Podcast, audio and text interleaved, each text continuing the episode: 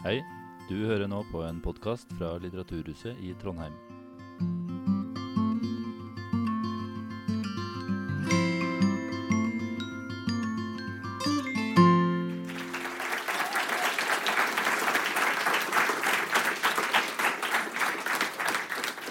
Hva er Norge? Hva er vi?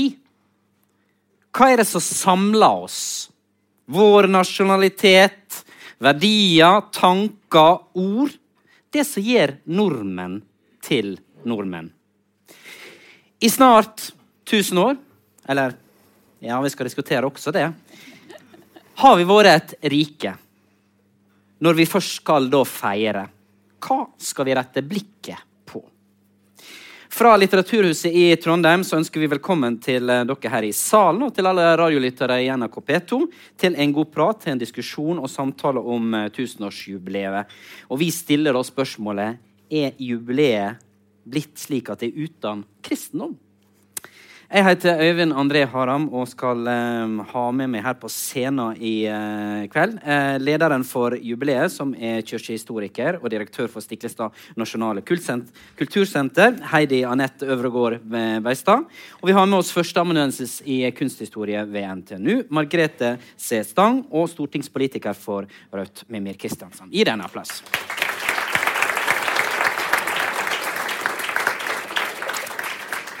Eh, jeg tenkte at vi skulle begynne med deg, Mimi, for du har jo liksom satt litt fyr Rogalendingen som satt litt fyr igjen på dette her. Eh, ikke akkurat lagt nesten støv av eh, Vi har diskutert eh, Olav eh, Hellige og hvor han ligger, og, og, og alt den debatten der nå. Og så eh, kom den debatten ut på høsten. For, for altså da du har, Hvis jeg skal bruke et litt sånn eh, historisk begrep her, så har du liksom klart å tent vardelden her. Eh, du eh, lot deg intervjue av Aftenposten i oktober. 'Radikal omskrivning av historien' var overskrifta i den avisartikkelen. Der du da retter kritikk mot jubileet og mener at kristendommen nesten blir glemt. Hva legger du egentlig i det? Nei, Bakgrunnen min for å komme inn i dette det var at i eh, fjor så var det et eh, litt mindre prominent jubileum, også fordi at eh, det var litt mindre rundt år. Det var et 1150-årsjubileum, så det, jeg skjønner at det er ikke det samme.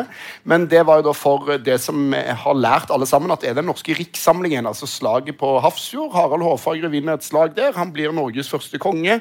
Derfor heter kongen vår Harald den femte, og ikke eh, ja, noe, har et mindre tall bak seg. Og så hørte jeg fra de ildsjelene som hadde arrangert at det var ikke én en eneste representant fra norske myndigheter som ville delta på dette 1150-årsjubileet som strakk seg over hele året.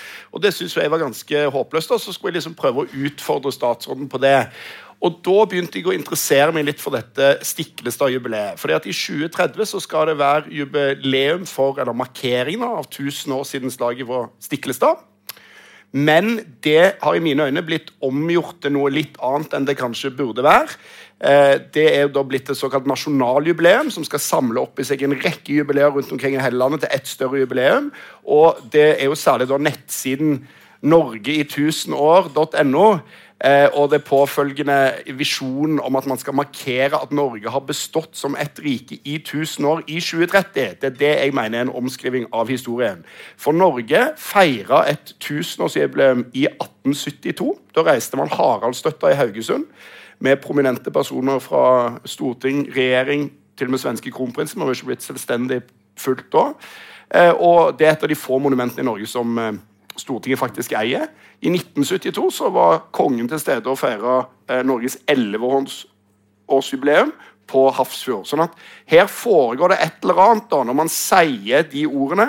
Norge som rike har bestått i 1000 år i 2030. Da har det forsvunnet 158 år av Norges historie. Og Det mener jeg er spesielt, og jeg skjønner heller ikke hvorfor man vil gjøre det. fordi Stiklestad er jo en kjempestor begivenhet i norsk historie uansett, så det burde jo være 100 andre ting å eh, markere. Og de fleste av oss skjønner jo at det skal feires med pomp og prakt, men eh, kunne vel eh, ja, eh, feire det som faktisk det, skjedde. det er det ene du, du liksom retter fingeren på. Og så sier du også at når det da har samla seg, når du lager et jubileum, så, så er du, etterlyser du kristendommen i det.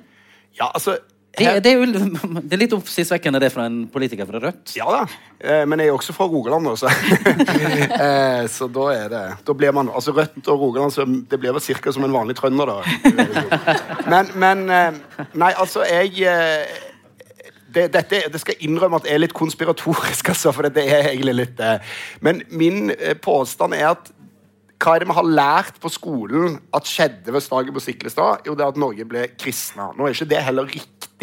For det var òg en lang prosess. Det var jo rikssamlingen òg. Og kanskje kristenretten på Mostra ting riktigere å si, osv. Men det er i hvert fall det vi har lært, og i alle fall det som står igjen etter Stiklestad, der kongen i Norge faktisk døde. altså Riket ble jo ikke på en måte samla av at kongen ble drept av noe opprøret. Så Eh, så ble jo han helgen og ble helt sentral i norsk nasjonsbygging i årene som fulgte, og århundrene som fulgte, i tett allianse med kirka. Så dette har jo noe med kirka, kristendom, helgen, kulten, Olav den hellige, alt dette her å gjøre.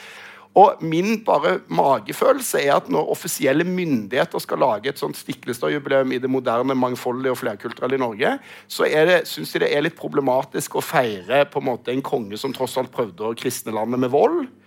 Eh, og at det er liksom litt ubehagelig, og derfor at man prøver å gjøre det om til et sånn mer inkluderende nasjonaljubileum som ikke skal legge vekt på det, men som jeg da mener at Reto Kjøsvold Jeg skal innrømme at akkurat dette er litt konspiratorisk, men det er, min eh, ja, Da veit vi litt settinga her. Det er to ting du er med. Da, da, går vi, da må jeg jo få lov til å stille spørsmålet til deg, eh, Heidi Anette Øvergård Veistad, som altså da er Du er kirkehistoriker, og du er direktør, liksom du som er the big boss for eh, dette jubileet. da, som og det er jo mange år igjen enda, men eh, Føler du deg litt truffet av denne kritikken som har blitt reist der? Det er jo ikke mange år igjen. Det er jo første jeg har lyst til å begynne å korrigere. Fordi, for det første så er det ikke lenge igjen til 2030. For det andre så er jo jubileet i gang med alle de jubileene som inngår i stafetten. Nei, altså, Jeg har jo lyst til å starte med å si altså, jeg er jo veldig glad for denne diskusjonen. Jeg tenker at Det på en måte går rett inn i hjertet i det vi ønsker å få til med det her nasjonale jubileet. Vi har sagt at vårt mål er og bruke denne anledningen til å få til en større diskusjon om hva Norge har vært, hva Norge er og hva Norge kan og bør være fremover. Og da er det klart At vi sitter sånn som vi gjør her nå, det er helt avgjørende for at vi skal oppnå det målet. Og så det er kanskje da Hvis jeg skal begynne å pirke noe, da, eh, hvis vi skal se på det med, med kristendommen sin rolle først, mm. eh, så vil jeg si at Nei, la, oss, la, oss, vente litt med det. Ja, okay. det blir lengre blokk litt senere. Ja. Men så begynner du litt med det med det som vi sier med dette med tidspunktet. da. Ja. Så har jo gått glipp av 150 år cirka her. Nei, vi har jo ikke gått glipp av det. Ikke på noe vis. Eh, og vi har jo veldig fokus i hele jubileumsarbeidet på at eh, samfunnsdannelse, riksdannelse, det er lange prosesser som tar tid. Og skal du skjønne dem, så må du ha lange tidslinjer med deg. Derfor er jo Hafrsfjord en sentral del i hvordan vi har jobba. Det kan jo sies også. Vi strakk jo veldig tidlig ut en hånd til Hafrsfjord for å si hva kan vi få til i fellesskap fram mot 2030. Nettopp fordi at vi tror man får mye mer innsikt i Norges historie og historiske prosesser gjennom å ta de her merkesteinene, og istedenfor å snakke om hvilken en av dem er viktigst. Hva slags utvida kunnskap er det vi får av å se dem i sammenheng? På samme måte som vi har strekt ut i hånd til Moster og til det andre som inngår i jubileumsstafetten. for å si, La oss nå slutte å kjempe om søkelyset og heller løfte i fellesskap. Og så skjønner jeg jo selvsagt at eh, de fleste av oss er jo vant til å knytte store historiske hendelser til årstall og til enkeltaktører. Eh, og mange kjenner jo, har jo den assosiasjonen til Hafrsfjord og til Stiklestad. Men vi har lyst til å løfte blikket litt, og vi kjenner med den, vår tilnærming til den komplekse historien som er 1030. Så kunne ikke vi ha forvalta det ansvarlig hvis vi hadde sagt at nei, men det handler kun om kristendom. Eh, samtidig så sier vi heller ikke at Norge ble skapt i 1030. Det vi baserer tittelen på, er at det skjer et omslag i riksdannelsesprosessen da som gjør at mens man fra Hafrsfjord og oppover fram til da kjempa om noe som var en usikker størrelse, og hvor man ikke visste om det kom til å bli en fast enhet, så skjer det noen ting i 1030 som gjør at man slutter å stille spørsmål ved det på samme måte som man har gjort før. Det er grunnen til det. Så skjønner jeg at tittelen kan skape debatt. Det tenker jeg i og for seg er en styrke ved tittelen også. Men eh, når hun sier det at de har strakt ut en hånd til Hafrsfjord eh, Mimir. Kanskje ikke de har tatt den skikkelig, da. Den er det. Og... Nei, De takker jo nei til det. De, selvfølgelig skal jo ingen som holder på med Hafrsfjord, gå med på dette her. Altså, Det ville jo vært helt, eh, ville vært å gi opp alt man driver med her på Hafrsfjord. Men, men poenget er at her er det noe sånn litt sjølmotsigende. fordi på den ene så sies det en del ting som er helt 100 riktig. Selvfølgelig var rikssamlingen en stor prosess. Selvfølgelig må man, hvis man skal ha et seriøs historisk debatt, slutte å knytte det til enkeltpersoner, enkelthendelser, enkeltårstall. Men hva er Stiklestad 2030, da, om ikke en markering av et enkelt årstall, en enkeltbegivenhet og en enkeltperson. Så man har fått et jubileum i gang som skal romme hele norsk nasjonal historie. Men det gjør jo det i flere år. De strekker ut i flere år, som hun sier her. Altså, Jubileet heter Stiklestad 2030. og så Nei, er det heter ikke det. Ok, Hva det heter Norge 1000 år? Ja, Nasjonaljubileet 2030, Ja, Norge ja, 1000 år. Stiklestad er ikke i tittelen. Nei da, men nasjonaljubileet i 2030 Norge i 1000 år det, er i det, det, det, det har noe med et enkelt årstall å gjøre her, tror jeg man kan si. Og Poenget er at man må gjerne vektlegge dette prosessuelle, men det er litt rart at man vektlegger dette prosessuelle når man samtidig hever opp én enkelt begivenhet, en enkeltårstall, som overordna paraply. Og det er jo riktig at man strekker ut og Jeg er sikker på at dere samarbeider kjempebra med mange Ja. eh, jubileer rundt i landet, men det er jo ikke noe tvil om at det er en rangering her. Det er jo ikke noe tvil om at ett jubileum har fått rollen i å bli nasjonaljubileet og skal være finansiert på en helt annen og mye mer vesentlig måte. Det står til og med i Hurdalsplattformen at dette er en sentral del av det arbeidet man gjør. Og så sitter de der på Moster, der kristenretten var i 1024, og har nettopp fått kutta bevilgningen sin litt, og klager over det. Sånn at på en måte Jo da, jeg er enig i at vi skal på en måte selvfølgelig jeg har ikke noe ønske om at det ikke skal være masse halloi i Norge i 2030 rundt Stiklestad, men denne plattformen har innebåret en rangering over at én dato i den norske rikssamlingen er viktigere enn andre. Og du går jo litt inn i det sjøl. Du sier at det skjer noe da som gjør at etter det så stiller man ikke spørsmål ved hva Norge er. Men det er det jeg mener er ganske tvilsomt, og nettopp fordi det er en prosess over lang tid, og det er veldig vanskelig å si hvor det, hvor det ender, liksom. Altså ender det med Svalbardtraktaten, liksom, hvis du skal holde på sånn. Eller begynner det der, eller sånn, eller sånn. Så derfor er den eh, Det å sette det 1000 år, 2030 det slaget overalt som en overordna ply, så skal alt være under det, det mener jeg skaper en litt problematisk idé om historien. Vi, vi, du, du skal få utdype dette her, eh, snart eh, videre, Heidenet. Men eh, vi må ta med inn Margrethe Stang. Du er jo kunsthistoriker. Du, til og med, du har forska på Olav Ola den hellige i hovedoppgaven din. Eh, kanskje du kan være litt megler her, du, da? Eh, og så fortell oss litt. Grann.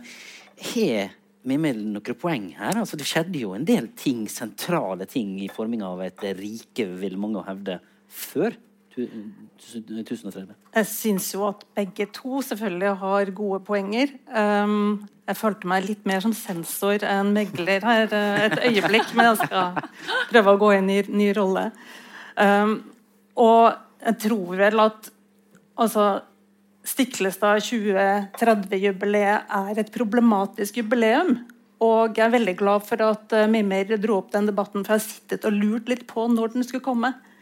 Eh, Fordi Hvis vi ser tilbake til 1930-jubileet, da, 900-årsjubileet, så var det en fantastisk, egentlig ganske avsindig feiring av kristendom, nasjonalstat og monarki.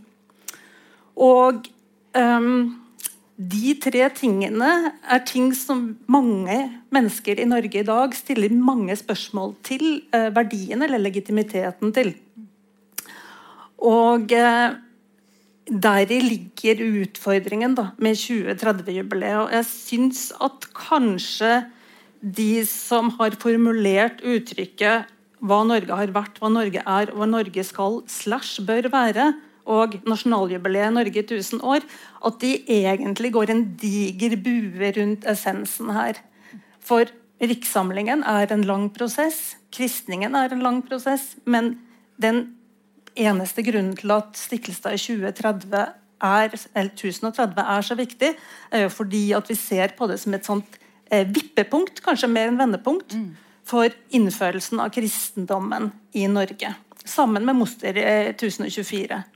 Og uten den religiøse dimensjonen, da, og uten å på en måte tydeliggjøre kristendommens rolle i Norge i 1000 år, så tenker jeg at det på en måte begrunnelsen for jubileet egentlig er litt tynn.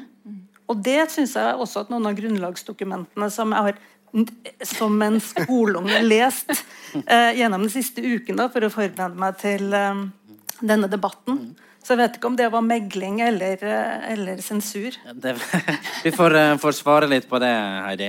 Eh, hva du tenker når du altså, eh, du, du sier jo det at dere tar litt utgangspunkt, men, men likevel jeg vil tippe at, at i, i 2030, akkurat på en viss dato, så vil det sikkert et vidunderende jubileum altså bli en storstilt markering den på et eller annet tidspunkt det året, vil jeg tippe. Og kongen og pomp og prakt og Ja, Det vil jo være merkelig om vi som en del av nasjonaljubileet skal bryte den tusen år lange Olsok-tradisjonen. Det tror jeg ville ha fremstått veldig merkelig for mange. Så klart det skal være en stor markering i det året. Eh, det, det er det mange som forventer.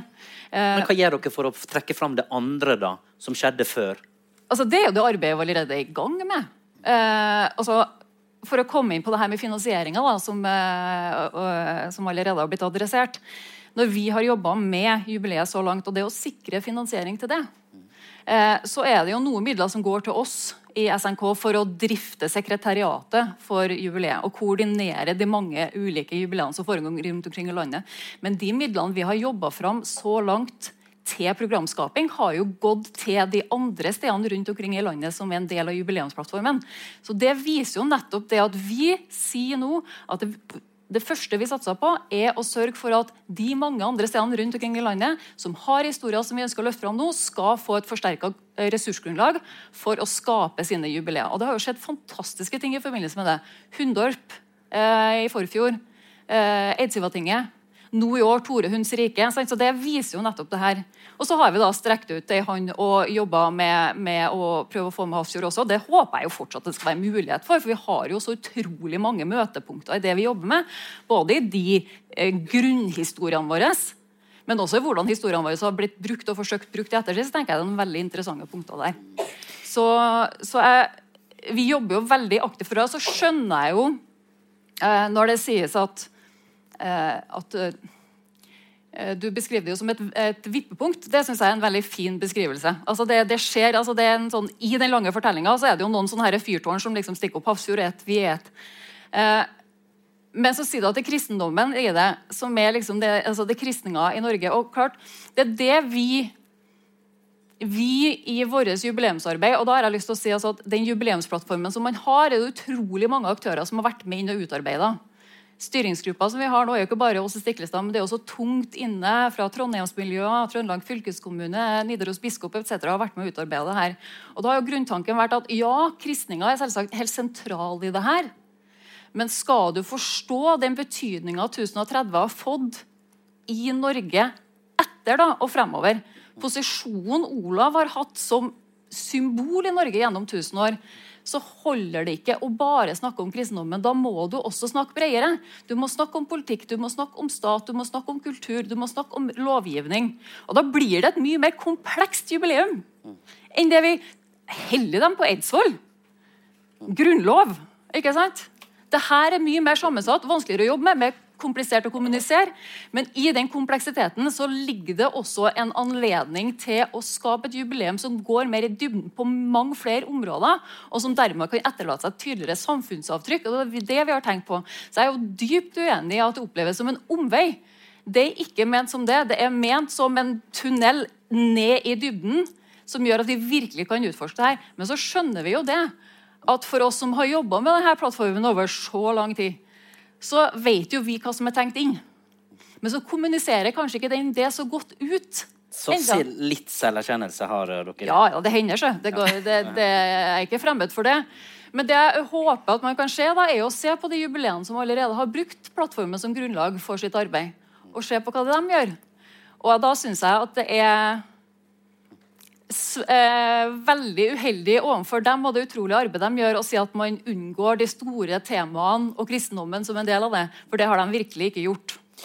Det var mine folk som også lytter på på radioen eh, her fra Litteraturhuset i Trondheim, at dette her er altså da debatten om Stiklestad eh, tusenårsjubileet, spørsmålet uten kristendom, som vi sitter og snakker om eh, her fra selveste stiftsstaden. Og mer, eh, når da eh, Heidi eh, som eh, direktør eh, for, for jubileet sier det og sier, altså Har dere vært litt dårlige da i Rogaland? Til å på en måte liksom bare eh, hekte dere på? altså Dere har jo disse tre sverdene, for å sette litt eh, tabloid begrep. Dere har disse tre flotte sverdene som står der, og så videre, men eh, eh, altså, når du ser på det de har fått til her inne, med å liksom få til og Her er det, altså det mm, eh, mor til alle spill i Norge, ikke sant? og alle er, kommer hit for å valfarte for å være med på det. og så hva, med liksom alt som er der, og, det du sjøl sier at som kanskje har blitt glemt litt her? Er dere, kan dere gå litt i dere sjøl der nede, og i miljøet der nede? Ja, og det opplever jeg vel egentlig at veldig mye av debatten lokalt i Rogaland handler om. Altså, det er jo helt åpenbart for det første at uh, det man har jobba med på Stiklestad, særlig med spelet, da, vil jeg jo trekke fram, har vært utrolig bra. Eh, og i tillegg at det er et sterkt miljø rundt det, og sånn, og at man ikke har lykkes på samme måte i Rogaland med å samles om den type ting. Altså, det er veldig mye vikinghistorie mange steder i Norge, men det er veldig mye av det i Rogaland. Og det er rart at man ikke har klart å ta vare på det. Og så er det noe sånn Jeg skal ikke kjede folk med dette i Trøndelag, men det er noe infighting i Rogaland mellom Avaldsnes og Stavanger. Det, er, det er mye, mye, mye greier her. Men, men, men det er jo en litt altså vi, vi må jo få lov til å sutre litt med òg. Vi har jo en opplevelse av en litt gjennomgående forskjellsbehandling her. altså Nidarosdomen er selvfølgelig en helt unik kirke i norsk historie. Det er også en replika.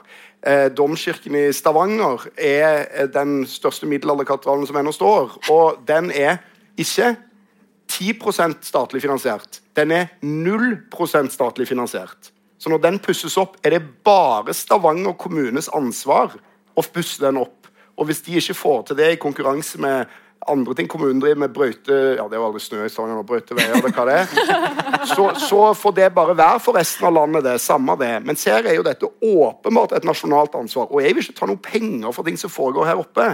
Jeg bare mener at her er det skjedd en litt sånn underlig skeivhet. Og det samme gjentar seg med dette jubileet. Jo da, selvfølgelig skal man ha et svært jubileum i 2030. Naturligvis skal man det, og naturligvis skal hele landet være med å finansiere det. Men hvorfor skal det være et jubileum til å herske over alle andre jubileer, liksom? Hvorfor skal det være det overordna jubileet for alle små og store jubileer i landet som skal inn i en sånn felles plattform? Hvorfor er det på en måte Hvorfor har man gjort det, da? Og det er der jeg mener at man har tatt et litt rart valg, liksom. jeg mener er viktig å diskutere. Og så vil Jeg jo bare si det for lenge. Jeg tror det kommer til å skje masse bra ting under det jubileet. Det er ikke sånn at Jeg tror det kommer til å bli helt elendig, men vi må jo ha en diskusjon om hvilken innretning vi har gjort der. Og det, altså Hvis jeg kan få lov til å fortsette ut litt? Ja, bitte litt. Ja. Det er to debatter parallelt der. En er en kjempespennende faghistorisk debatt om rikssamling, om kristning, om ulike konger, hvordan det hang sammen. Til og med hvordan man skal tolke sagaene, kildedebatter, alt mulig.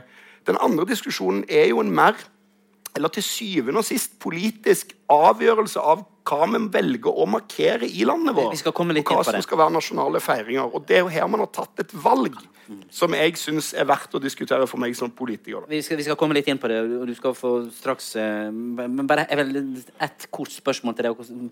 Har du da som politiker du, du som sitter på pengesekken i utgangspunktet nå som politiker, du kunne jo da ha snudd litt på dette her? Ja, Vi prøver jo å skaffe penger til masse i Stavanger. Vi har stilt, prøvd å stille Kjersti Toppe til veggs om hvorfor vi ikke får noe penger til den domkirkeoppussingen vår, for eksempel. Eller hvorfor Arkeologisk museum i Stavanger, som er lovt tidligere som nybygg, bare blir skrinlagt, og det ikke kommer noen midler der likevel. Så ja da, jeg har sutra masse etter penger, jeg. Så. Men vi, vi har jo nå en, de, en gang de åtte representantene vi har, da, så det er jo ikke hele bondehæren som har kommet der på en gang. Margrethe? Du, jeg tenkte egentlig at jeg skulle spørre mye mer. For det første så må jeg jo si at jeg syns at Stavanger domkirke er fantastisk og også undervurdert nasjonalt. Så det er ikke Er for det, å smiske. og, og er det litt rett i det han sier? Det er At det er en replika her? Nei, det er ikke replika. Det er det ikke, for Vi vet ikke hvordan det så ut opprinnelig. Men, eh, men, men det er klart at eh, det, det er veldig, altså, Stavanger sto som hel domkirke i en periode hvor Nidarosdomen var halv. Men det jeg lurer på, da, det er jo og det her jeg tør kanskje ikke å dra til Verdalen etter at jeg spurte spørsmålet her igjen, men, men ville det vært mer uproblematisk og lett å svelge for dem hvis øh, sekretariatet satt i Oslo? Er det problemet at du har et nasjonalt jubileum som på en måte driftes fra Verdalen, som er på en måte tornet i siden til Rogalands Nei, det tror jeg faktisk ikke. Altså, folk, du aner ikke hvor mye folk i Rogaland har imot Oslo. Altså Det tror, tror jeg faktisk ikke. Men det er jo et godt spørsmål mer om sånn taktikk og strategi. fordi at vi har noen diskusjon der vi står fram som to motpoler. Egentlig er det veldig mye felles interesse. Alle disse jubileene har felles interesse av at historien vår løftes fram. Alle har felles interesse av at det bevilges mer penger til sånne ting. Veldig mange av oss har felles interesse av å slå oss sammen, sånn at ting skal flyttes ut av Oslo. Så, så det er helt åpenbart en diskusjon om, ja, om det. da. Men jeg tror ikke man ville sett blidt på i, Nei, hvis, hvis man hadde lagt et nasjonaljubileum med kontor Hva skulle de feire der i Oslo, da? Eh, det, det tror jeg hadde Nei, da hadde det, da hadde det vært verre, for å si det sånn. Men la oss komme litt inn på, på, på dette her som, eh, som, som eh, vi har snakka om allerede så kort her nå. Altså Olavsarven. Hva er det vi skal feire? Hva er det vi skal markere? Begynner litt med deg, da, Heidi Anette. Hva, hva, hva når dere satt her, tid var dere begynte for? Ja, det var lenge før jeg begynte å jobbe i den organisasjonen. Så det... Borghild Lundeby, når starta man med det her arbeidet? 2017 Ja, Da begynte du som prosjektleder, men da hadde man jo jobba lenge allerede. Så det Så ikke, men hva satt dere ned når dere satte dere ned rundt bordet og så diskuterte dere? Hva, og så satte dere sikkert opp noen punkt på, på veggen der. Hva, hva var det dere prioriterte, da? Altså, Inngangen til dette jubileet er jo prega av hvordan man fra Stiklestads side da, har jobbet med Olavsarven generelt. Eh, og prøve å forstå hvordan i all verden et sted, et årstall og en sånn skikkelse da, kan ha en sånn kontinuerlig tusenårig historie som engasjerer så mange fortsatt, som vi ser her. Da. Eh, og da har inngangen til det her vært vi, I vårt arbeid med nasjonaljubileet så er vi nødt til å bygge på nettopp den anerkjennelsen at Olavsarven er sammensatt. Det handler noe om arven etter kongen i seg sjøl, altså hva Olav Haraldsson gjorde som konge. Men det handler også om hvordan den arven har blitt tolka og brukt i de tusen årene siden. Altså Symbolet Olav sin virkningshistorie er jo minst like omfattende og mye mer sammensatt enn arven etter bare kongen i seg sjøl. Og så handler det også om å si ok, vi er, hvis vi skal prøve å bryte ned hovedbestanddelene i det her, hva er det, da? Ja, da, er det jo det statlige, altså fortellinga om riket. Det er det religiøse, altså fortellinga om kristendommen. Det er det rettsmessige, nemlig spørsmålet om lov. Og så er det også det svære kulturelle avtrykket som vi finner i kunst, i litteratur, som vi finner i folketro etc. Og så sa vi at ok, vi ønsker å bygge et jubileum som tar tak i bredden av det her. Og fordi at Olav har vært så uløselig sammenvevd med fortellinga om Norge gjennom tusen år, så ønska vi å bruke det som en anledning til nettopp å dykke inn i den fortellinga, eller de fortellingene i enda større grad. Og kort og hvor sterkt tenkte dere at kristendommen skal utgjøre dette jubileet? Ja, helt sentralt. Helt avgjørende. Helt fra starten av. Ja, for jeg vet det- dere har tatt med for, blant annet, dere har tatt med folk fra kyrkja inn i det, som er med Ja, ja, de sitter jo, altså, eh, Bispedømmet sitter jo inne i styringsgruppa og har gjort det helt fra starten av. og klart, det, altså, Bare for å si det, da, for jeg opplever jo at når man snakker om eh, kristendommen sin rolle i, i jubileet, altså sånn som det blir eh, stilt spørsmål ved i, i formuleringa til den debatten, her, altså underkommunisert, så kjenner jeg at da vil jeg si at da er det et kommunikasjonsproblem. Ikke altså fra vår side, at det her har virkelig vært tungt inne helt fra starten av. Når man snakker om religion som et av de mest sentrale temaene, så det er klart at da er kristendommen det en helt sånn kjerne i det. Du kan jo ikke skjønne Olavs virkningshistorie og betydninga av 1030 uten å ha med religion. Selvsagt ikke. Altså På Stiklestad har vi tre kirker pga. det her. Selvsagt er kristendommen sentral. Men så er spørsmålet, da hvordan, hvordan språksetter du det? På en måte som gjør at du får brukt det mest mulig konstruktivt og nyttig å virkelig bryte med, i materien. Fordi Det er jo dem som sier at ja, men det er bare kristendom 1030. Nasjonaljubileet burde bare handle om kristning. det burde være kristningsjubileum. Men der, er- der er vi altså, faglig uenige. Nei, det er bredere. Hvorfor det? Fordi at Olavsarven er så veldig mye mer. og Skal du skjønne det, og skjønne betydninga til Olav gjennom 1000 år, så kan du ikke bare snakke om kristendom. Du kan for all del ikke ta ut kristendommen, for da skjønner du ingenting. Men hvis du reduserer deg til bare å snakke om kristning, så mister du også vanvittig mye. Men så har du hvordan er det du språksetter det med kristendommen inn i jubileet. Og det er der vi har gjort det grepet med religion istedenfor kristendom. Og det er jo gjort bl.a. fordi at det åpner for å snakke om en litt bredere tematikk. Det åpner enda tydeligere for å snakke om møtet med den norrøne religionen og den kristne religionen fram til 1030. Det, snakker, det åpner for, i aller høyeste grad for å dyppe inn i eh, kristendommen sin historie. og da også altså, Overgang fra den katolske til den protestantiske. Men så gir det også rom for å snakke om de andre religionene som også har eksistert i Norge gjennom disse årene. Ikke sant? Og brytninga mellom kristendommen og dem. Så det har vært tanken. Og så ser jo jeg det at det trenger kanskje litt oversettelse utad. Eh, når, vi, når vi har språksatt det sånn. Men klart, jeg kan ikke få sagt det nok hvor tungt kristendommen har vært inn helt fra starten av. Og da både kristendom og kirka i både et fortidsperspektiv og et nåtidsperspektiv og fremover, og også i organisasjonen. Så det må jeg bare få sagt. Så det kommer litt justeringer da, med andre ord, kanskje her fremover? Kommunikasjonsspråkmessig? Ja, vi må bli bedre på å kommunisere det. Det ser jeg jo. og så vet vi også at eh, nettopp det med kristendommen og religionens rolle vil jo alltid være noen ting som skaper veldig diskusjon. Så jeg tenker at det, Uansett hvordan vi språksetter en debatt, så vil det alltid være diskusjoner rundt det. Og det er jo kjempe, kjempebra. Men vi, vi, har jo også hatt eh, i dette arbeidet også hatt kontakt med den katolske kirka den ortodokse kirka. hele tatt, for at, det, Olav knytter jo alle de her kirkesamfunnene sammen. Og Det har vært et, et sånn sentralt element i hvordan vi har jobba fra starten av. Så kan skjønne at jeg kommuniserer dårlig. Kjenner meg på ingen måte igjen at vi avskriver kristendommen. For det, det, det gjør vi definitivt ikke. Mimir? Nei, Det er godt å høre det, og, og jeg tror på sett og vis det er riktig òg. Jeg må jo innrømme at min inngang til dette er jo veldig ofte å lese sånne styringsdokumenter, verdigrunnlag og sånne ting. og det er vel kanskje sånne dokumenter man lager når man skal sikre seg offentlig støtte. Og da kan det jo hende at det der med kristendom og sånn, det på en måte kanskje òg har noe med det å gjøre. da, At det er liksom en tross alt sekulær norsk stat som skal på en eller annen måte løfte dette nasjonaljubileet. Og det er nettopp det å gjøre det til noe sånn, et nasjonaljubileum som skal diskutere hva Norge er, hva Norge var, hva Norge skal bli det gjør jo på en måte at man er på en eller annen måte nødt innad i dette jubileet til å tone ned det kristne på et eller annet vis. For det må du tror det ligger litt berøringsangst i det, har du sagt? Ja, jeg tror det fins en berøringsangst i det norske samfunnet med dette, som jeg eh, mener å kjenne igjen her. Men det er mulig jeg tar feil akkurat her. Aldri ellers, men akkurat her. Men, men, men, men jeg mener det er Det berører i mine to ganske interessante diskusjoner.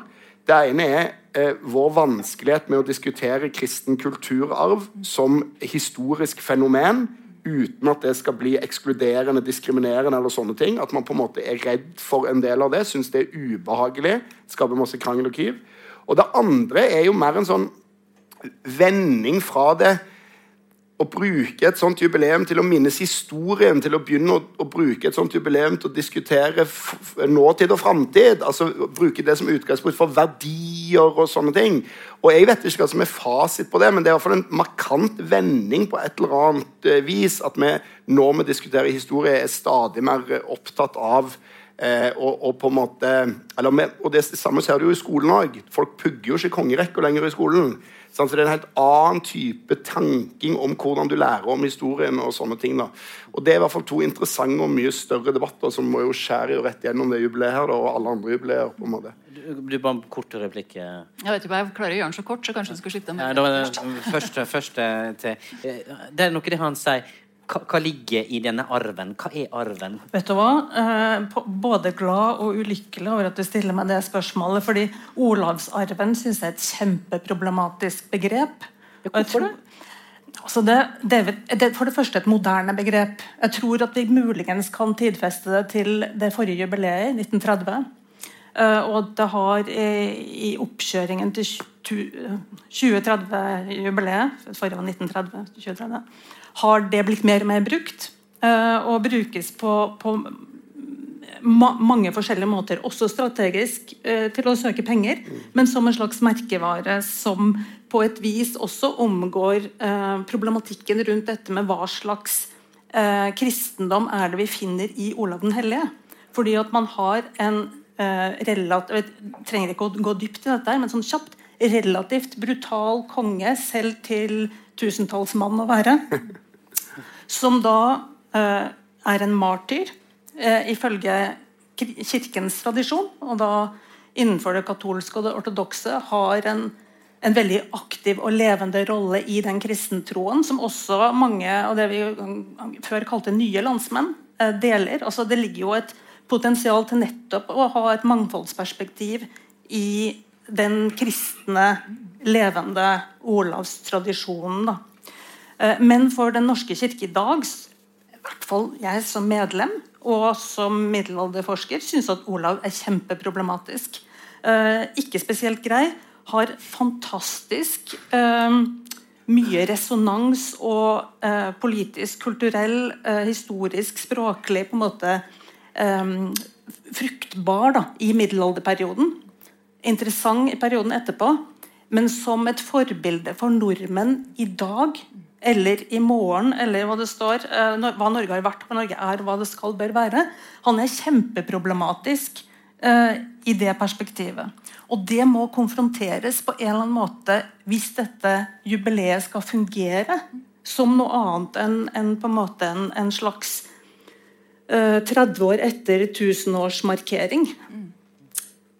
Du sitter her og nikker, Ja, Heidi. helt- Du, er, du er helt enig? Ja, er helt- Her er masse problematiske ting med denne Olavsarven. Hvis det... Ja, i alle dager. Det er flust. Det er klart det. Det er en kjempekompleks historie. Og det er jo det med, med Det er jo en av grunnene til at vi har sagt at et sånt hovedtema når det gjelder forskning da, fram mot nasjonaljubileet. Vi har jo hele tida sagt at kunnskapsutvikling er noe av det aller viktigste man må få til fram mot det her. Og et hovedtema har vi sagt i forlengelsen av Olavsarven, som et begrep vi kan diskutere masse, har vi sagt at vi må snakke mer, vi må forske mer på historie som samfunnsformende kraft. Og sprengkrafta som ligger i det, og hvordan historien i enhver periode blir brukt for å skape forståelsesrammer for den virkeligheten vi lever i.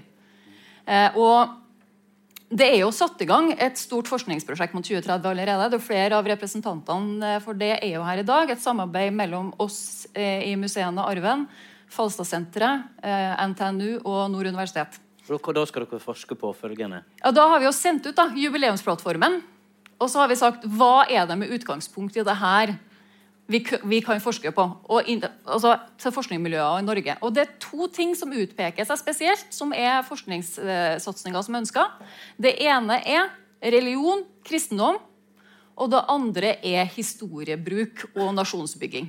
Så klart, det her jobbes det jo veldig aktivt med allerede. tenker jeg Det er helt avgjørende for at det her skal bli det jubileet vi ønsker. Fordi at jeg har jo til, skal ikke jeg uttale meg på vegne av kirka, for jeg jobber jo ikke i kirka. Men jeg vet jo at der jobbes det jo veldig aktivt med å ta tak i jubileet allerede. Også for å ta tak i sin egen historie og de historiene der som har vært underkommunisert før, og som man ser at det er et behov for å ta tak i. Forholdet til Olav, f.eks. Hvordan skal man gjøre det i dag? Det flerreligiøse i det. ikke sant?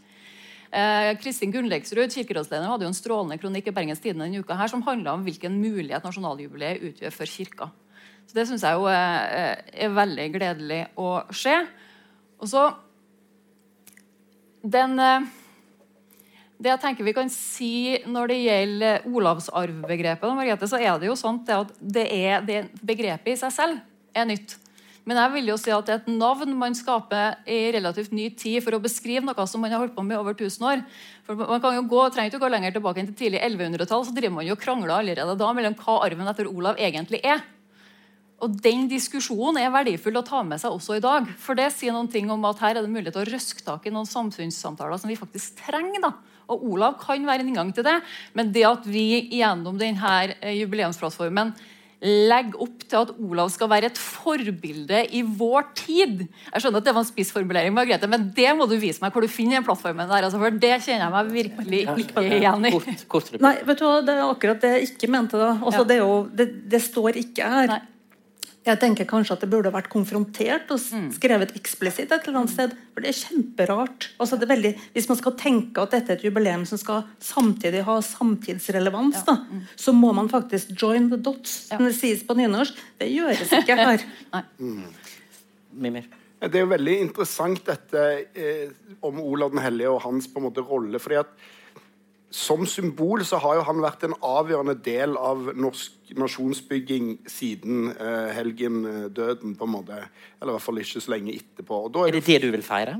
Nei, bare, Først er det kirka, katolske kirka, som har et behov for Olav den hellige. Sant? Og så har man i 1930 et sånt behov for Olav og hellige. Og så er det noen folk som er her mellom 40 og 45, som òg er ganske opptatt av hvordan den hellige, uten at det er vits, eller de som styrer da, uten at det er vits å, å bruke det mot, mot han, liksom. Og nå skal Norge på en måte på ny grave fram Olav den hellige for å på en måte si noe fra egentlig myndighetenes, statens side, starte en debatt om hva slags land vi skal være. Så det er bare for det veldig interessant. og Jeg sier ikke at det nødvendigvis må være feil, men det er åpenbart at dette er jo, hvis det er noe Olavsarv, så er det at de norske staten har vært interessert i å bruke Olav den hellige til å fremme den til enhver tid rådende ideologien i Norge.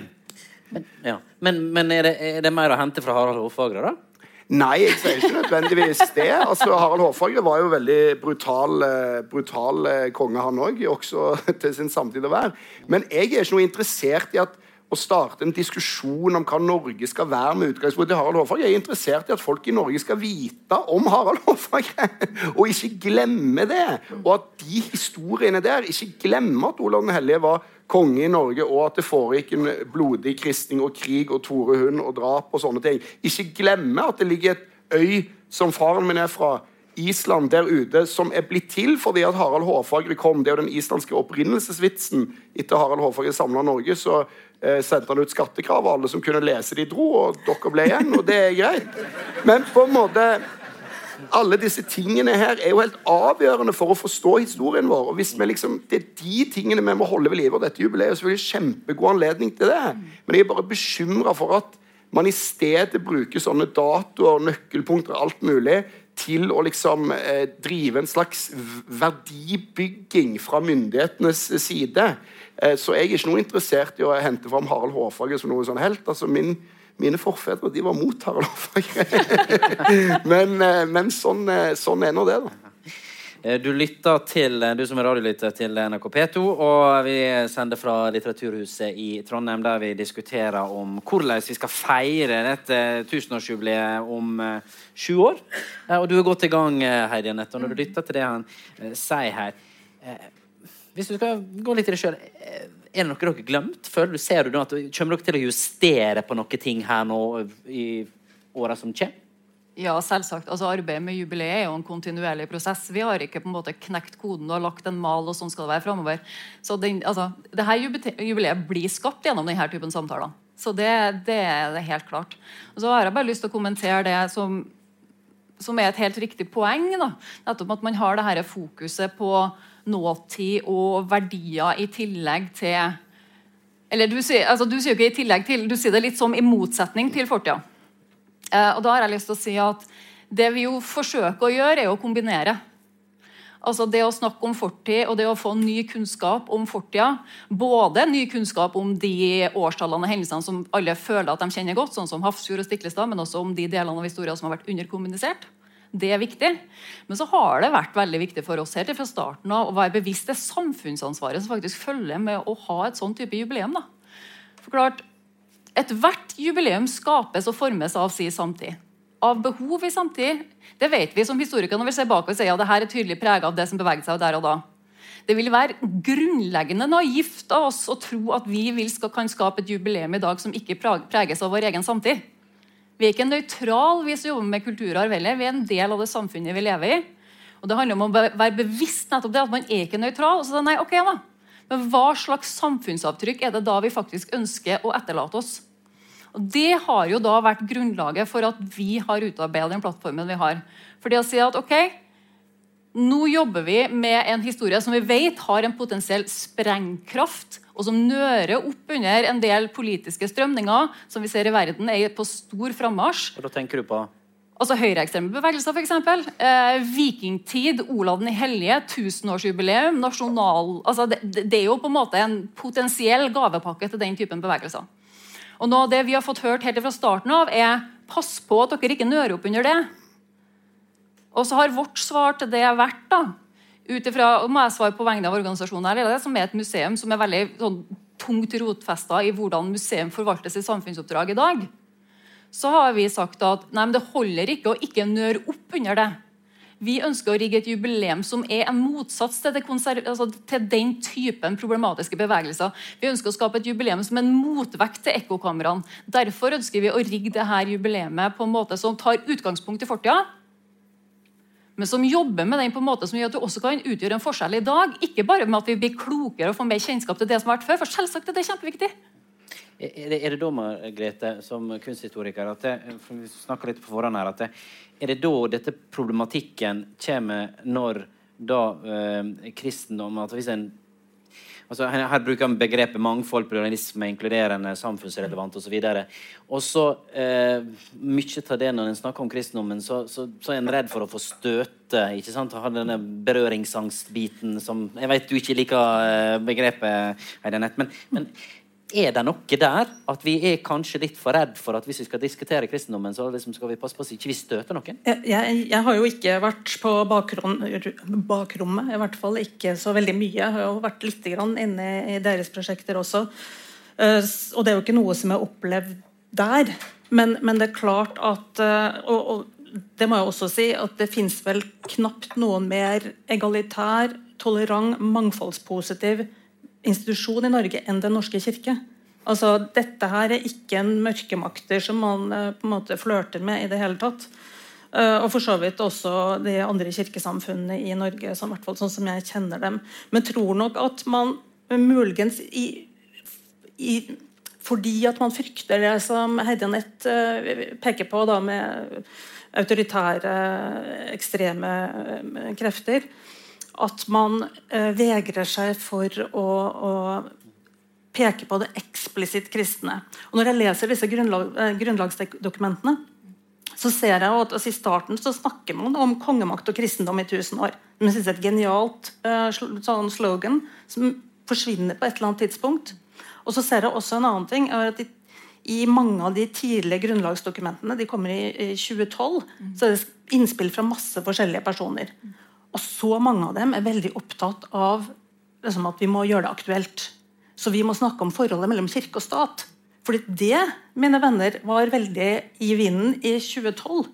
Og i dag så er det veldig få, utenom noen skikkelig gretne gamle gubber, som uh, uh, syns at forholdet mellom kirke og stat er noe å diskutere.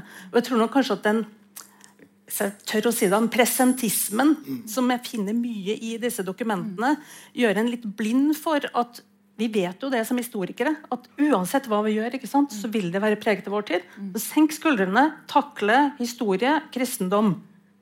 Så blir det så bra.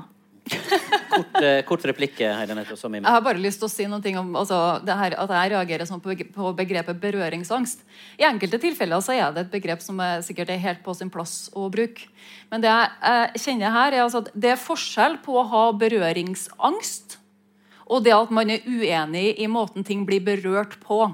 Og jeg syns ikke det er konstruktivt for debatten når det snakkes om at når man i nasjonaljubileet har berøringsangst for kristendommen, når det er jobba så tungt med det, og så mange jubileumsaktører rundt omkring i landet som allerede har jobba med det her, viser så tydelig at de tar så aktivt tak i kristendommen.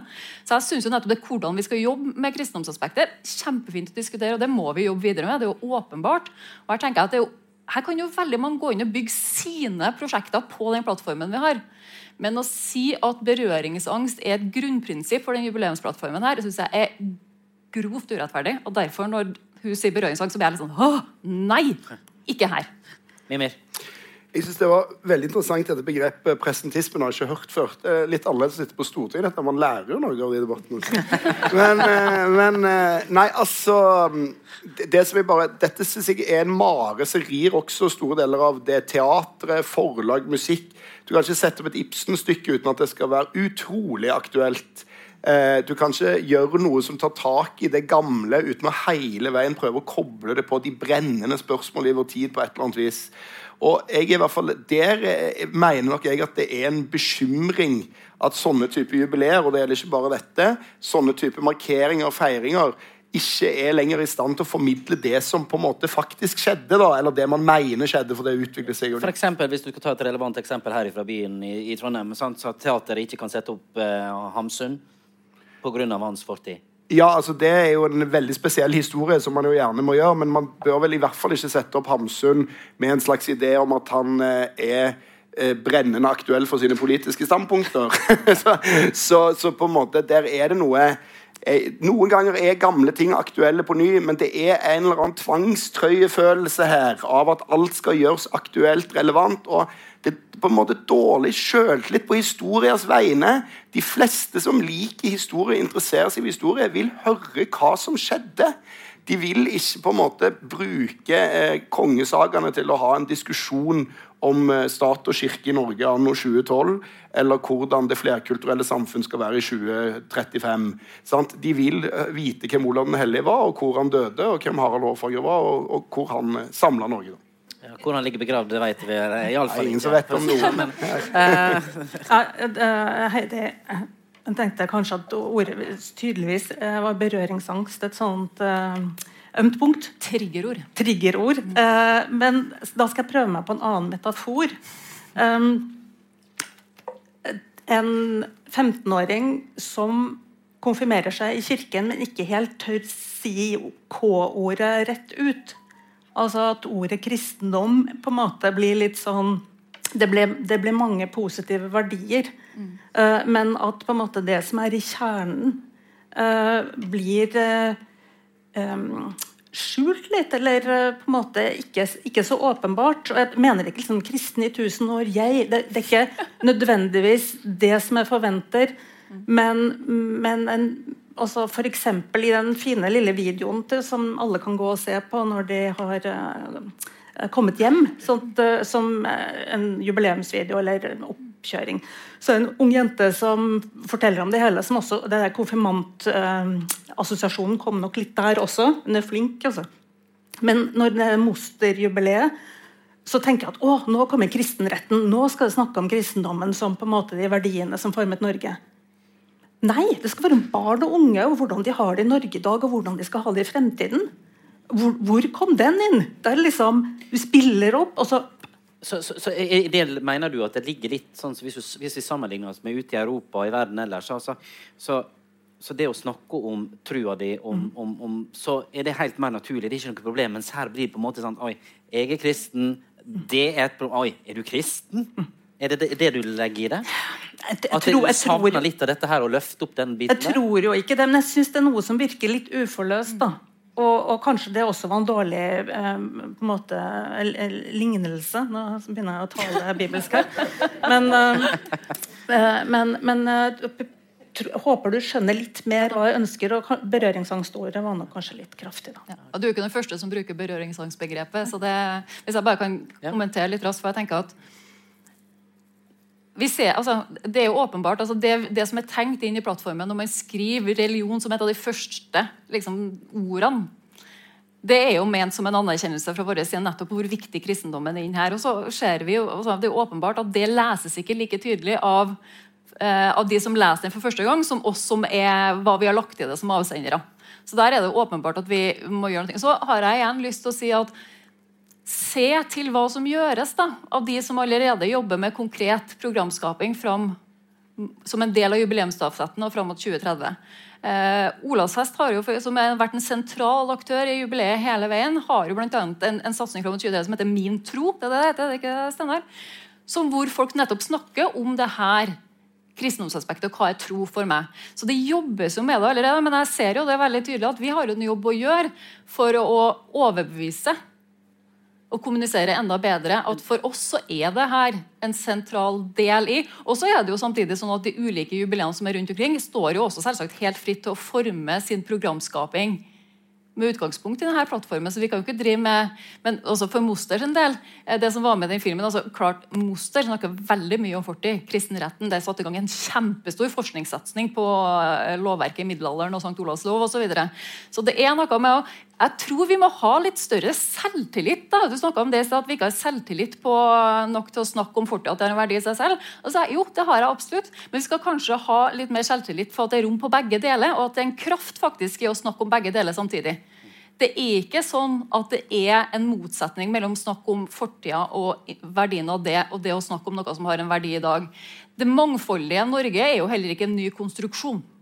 Det har jo også tusenårige røtter. Det har vært veldig underkommunisert. Kanskje blir vi litt klokere på det, og så gir det en større forståelse av hva slags samfunn vi er i dag også. Og Der er det de lange tusenårige linjene, eller gjerne enda lenger, som vi kan ta tak i nå må gå mot avslutninga så kort. Mimir. Ja, Jeg vil bare irettesette litt her. Det mangfoldige Norge har 1158 år gamle røtter i 2030, og ikke 1000 år gamle røtter. Men, da, men jeg bare jeg vil jo bare til slutt si at jeg håper det jubileet går kjempebra. Og jeg gleder meg til det. Og har ingen ønske om å redusere noe jubileum på Stiklestad.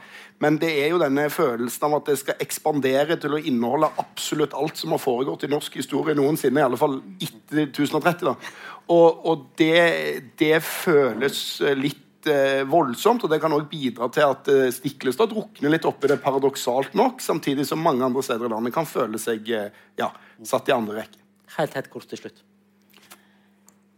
Altså, vi er klar over at Stiklestad har en særegen posisjon og en kraft som gjør at mange er redd for at det her er noe som skal ta veldig mye oppmerksomhet.